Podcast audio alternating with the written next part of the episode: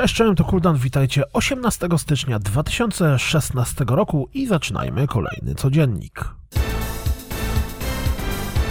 Steve Jackson's Sorcery, część pierwsza i druga, zadebiutuje na Steamie 2 lutego, a już dziś możemy zobaczyć jej zwiastun. Gra nawiązuje do wydanej w latach 80. książki interaktywnej.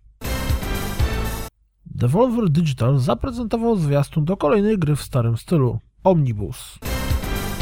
Myśleliście, że symulator kozu był dziwny? Poznajcie więc Snowhorse, czyli grę o koniu na snowboardzie. Zobaczcie zresztą jej zwiastun.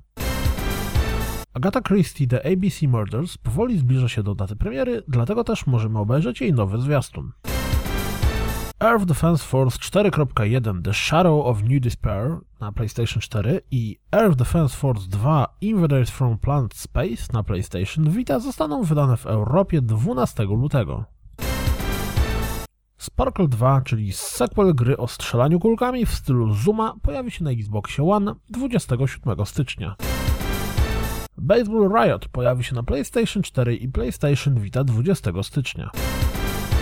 Gemini Heroes Reborn będzie dostępny na Xboxie One i Steamie 19 stycznia oraz w lutym na pozostałych sprzętach. Oddworld New and Tasty pojawi się na PlayStation Vita 19 stycznia. Square Enix, aby uhonorować śmierć Davida Boego, umożliwił pobranie za darmo Omnicron The Nomad Soul. Otwarta beta Dome Clancy's The Division rozpocznie się 28 stycznia na Xbox One i 29 stycznia na PC i PlayStation 4. Beta zakończy się 31 stycznia. Patrząc po tweetie, które wrzuciło konto Spike Chunsoft, można uznać, że Danganronpa Trigger Happy Havoc zmierza na PC.